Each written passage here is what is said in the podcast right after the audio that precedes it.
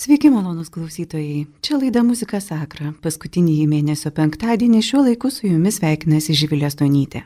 Laidos laiką praleisime drauge klausydamėsi žymiausių anglų baroko muzikos kūrėjo Henrio Perselo muzikos. Senoji Anglijos muzika turi labai savitą stilių.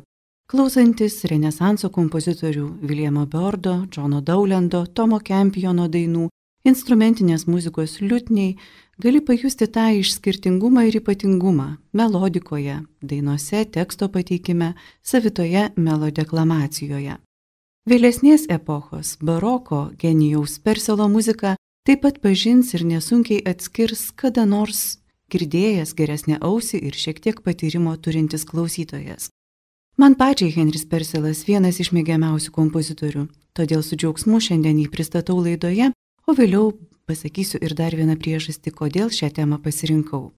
Tačiau pradėkime nuo nedidelio jo muzikos fragmento - Maršo trimitų kvartetui C mol. Jis pradeda ciklą pavadintą Gedulingoji muzika karalieniai Marijai, kurio šiandien ir klausysimės.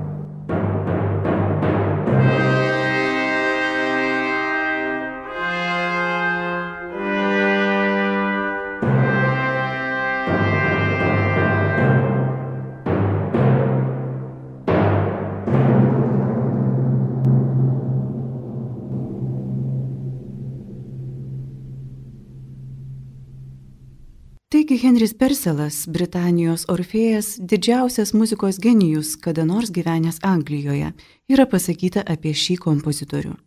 Jo muzika niekad nebuvo pamiršta, kaip yra atsitikę su kai kuriais anų laikų kūrėjais, pavyzdžiui, Johanu Sebastianu Bachu, ir iki mūsų dienų puikiai vertinama.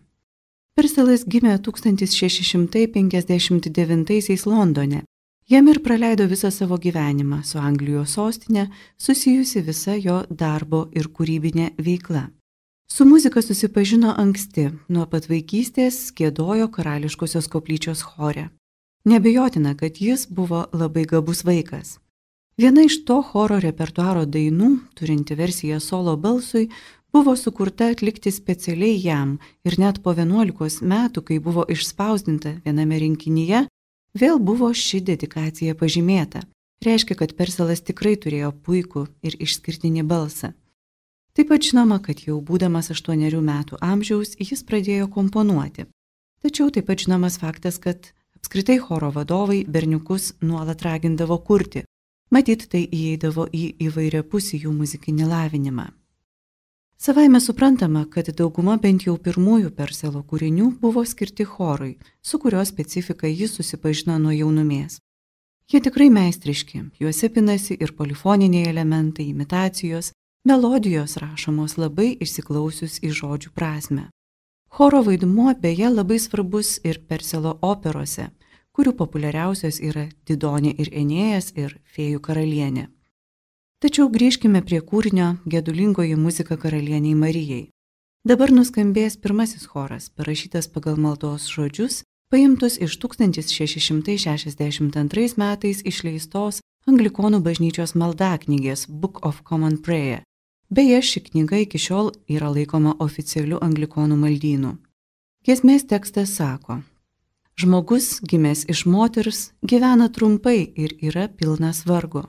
Jis tiebėsi ir yra pakertamas tarsi gėlė, jis sklendžia kaip šešėlis ir nepasilieka. Perselas šiame nedidelėme choro keturių balsų gabalėlyje meistriškai pavaizduoja sakinį. Su žodžiais jis stiebėsi, melodija eina aukštyn, o sulik is cut down yra pakirtamas, melodija leidžiasi. Tai vienas iš pavyzdžių, iš kurių matyti, kad tekstas kompozitoriui buvo labai svarbus. Ir jis pasitelkė visą savo talentą, kad tinkamai jį perteiktų. Pasiklausykime choro ir po jo vėl skambančios varinių kansonos.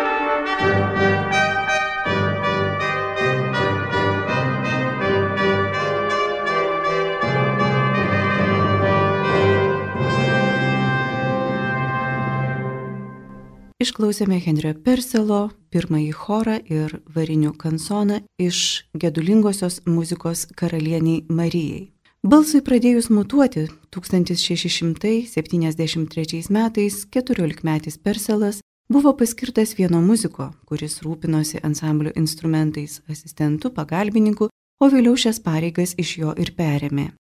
Įgyjus pakankamai patirties, ketverius metus jam buvo patikėta derinti Westminsterio abatijos katedros vargonus. Taip pat jis užsidirbdavo perrašinėdamas vargonų muzikos natas. 1679-aisiais, sulaukęs 20 metų amžiaus, pradėjo dirbti Westminsterio katedros vargonininku. Šis postas jam užtikrino gerą pragyvenimo šaltinį, taip pat žinoma, kad buvo jam išnuomotas ir namas. Galbūt nuolatinės pajamos ir įsitvirtinimas pastumėjo Perselą ir Vesti. Jis po keliarių metų vedė, susilaukė vaikų, iš jų išaugo duktė Franzė ir sūnus Edvardas. 1682 Perselas pradėjo dirbti ir karališkosios koplyčios vargonininku. Šiuo metu pasirodė ir pirmieji rimti jo kūriniai. Tai buvo sveikinimo dainos ir odės karaliui Čarlzui II. Dar po metų jis buvo paskirtas prižiūrėti ir derinti svarbiausius Londono vargonus. Tai buvo jo darbo vietos, Westminsterio katedros ir karališkosios koplyčios instrumentai. Taip pat jis derino ir klavesinus. Ir dauguma Perselo kūrybos buvo rašoma būtent karališkajam dvarui ir susijusios su monarchijos progomis. Nedaug yra žinoma apie jo gyvenimą, ypač paskutiniuosius metus. Jis daug dirbo, kūrė teatrui. Be daugelio odžių, chorui ir orkestrui, kantatų, dainų, himnų, mišių, fantazijų, kamerinių sonatų ir kūrinių klavyrui, jis sukūrė ir muziką 49 spektakliams. Visą tai daugiausia per penkerius paskutiniuosius gyvenimo metus. Vienas iš žymiausių jo sceninių kūrinių 1689 parašyta opera Didonė ir Enėjas. O paskutinysis kūrinys, sukurtas karaliaus dvarui, buvo mano jau minėtoji gedulingoji muzika karalieniai Marijai, parašyta 1694, kurios šiandien laidoje ir klausomės. Tolesnės giesmės angliškas tekstas, vėlgi pagal psalmes, kalba apie žmogaus gyvenimo laikinumą. Čia girdime skambančius 8 amžiaus vidurio žodžius, kurie lotyniškai medija vita. Tačiau apie tai netrukus po angliškos perselo versijos.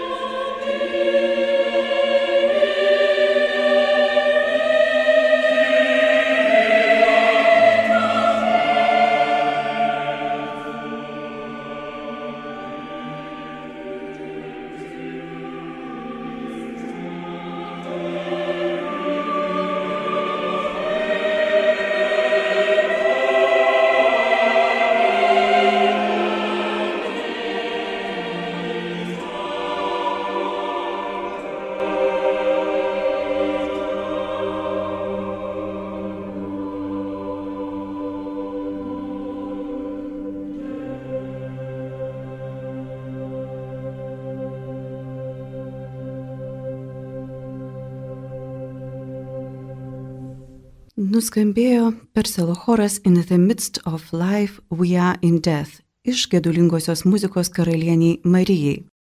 Ir noriu išversti jums tekstą, kuris ką tik buvo girdėtas. Gyvenimo viduryje mes esame supami mirties. Kurgi kitur galėtume ieškoti pagalbos, jei ne pas tave, o viešpatė. Tačiau galingasis, šventasis viešpatė ir gailestingiausias gelbėtojau, neleisk mums patirti karčių amžinosios mirties skausmų.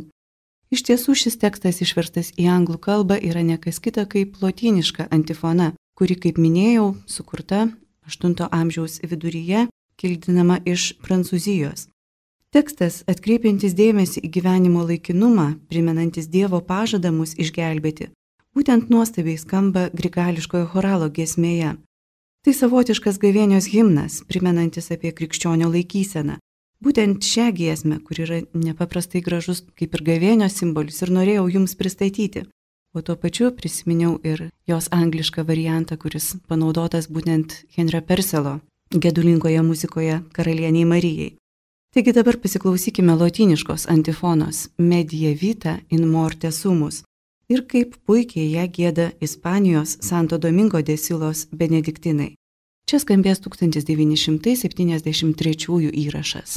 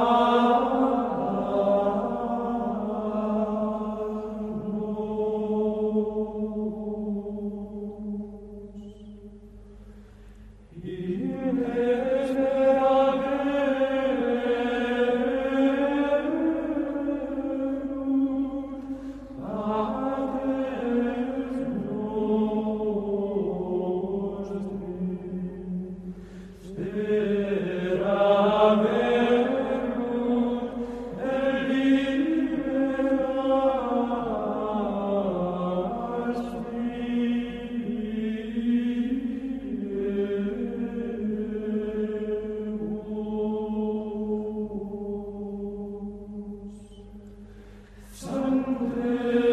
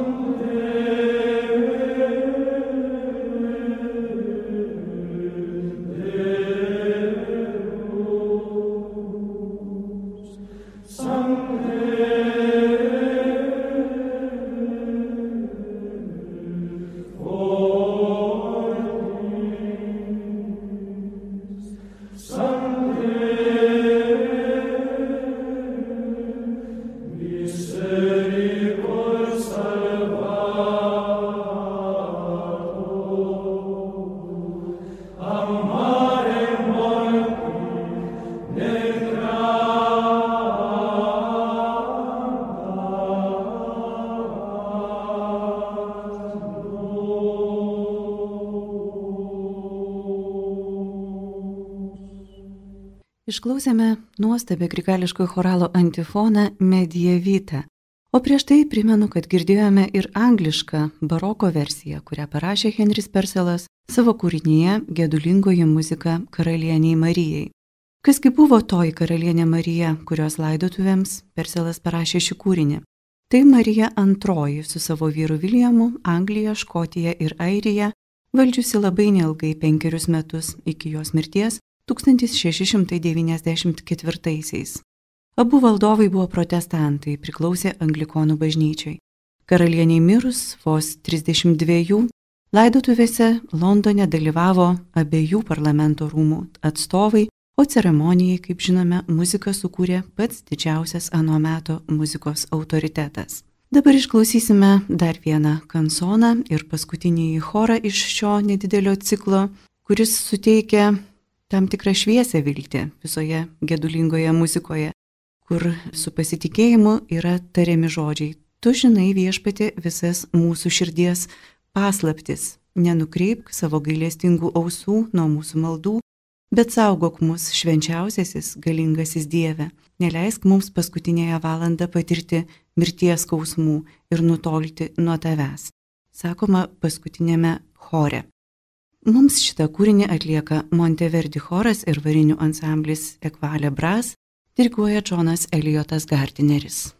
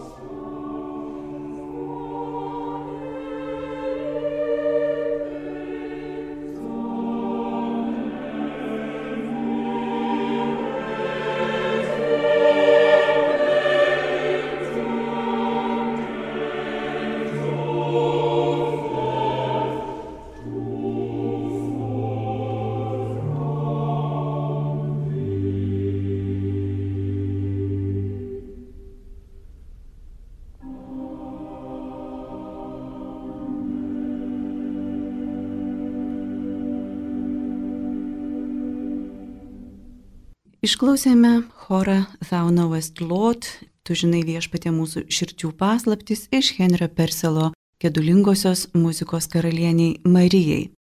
Pats Perselas mirė jau kitais 1695 metais, metams praėjus po savo šio kūrinio sukūrimo. Savo testamentą jis parašė paskutinėje gyvenimo dieną, lapkričio 21-ąją, jau smarkiai sirgdamas ir vos nulaikydamas plunksną rankoje. Jo laidotuvės įvyko lapkričio 26 dieną Westminsterio abatijoje. Visi koplyčios giesmininkai buvo pasipuošę iškilmingais rūbais, o per pamaldas ir laidotuvės gėdojo jungtinis ir Westminsterio abatijos ir karališkosios koplyčios chorai, būtent abiejų jo darbo vietų kolektyvai. Perselas ir buvo palaidotas šiaurinėje katedros dalyje, netoli vargonų. Viena dama vėliau fundavo memorialinę lentą, kuri buvo prikalta prie jo palaidojimo vietos. Štai tokia istorija apie garsiausią baroko anglų muzikos kompozitorių, vadintą Britanijos Orfėjumi. O mes savo laidą pabaigsime paskutinėje trumpą dalimi iš jo gedulingosios muzikos karalieniai Marijai. Vėl skambės maršas, kurį atlieka variniai pučiamieji instrumentai. Primenu, kad atlikėjai Monteverdi choras ir varinių ansamblis Ekvalė Bras, o diriguoja Džonas Eliotas Gartineris.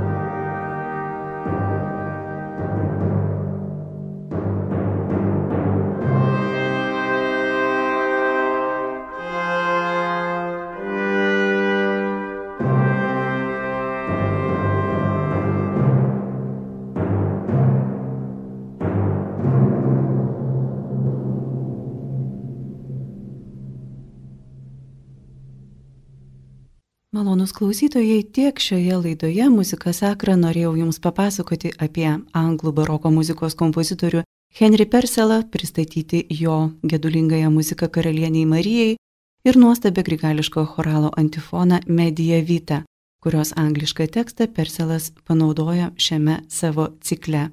Tiek šiandien laidoje linkiu visiems gražaus laiko, sudie.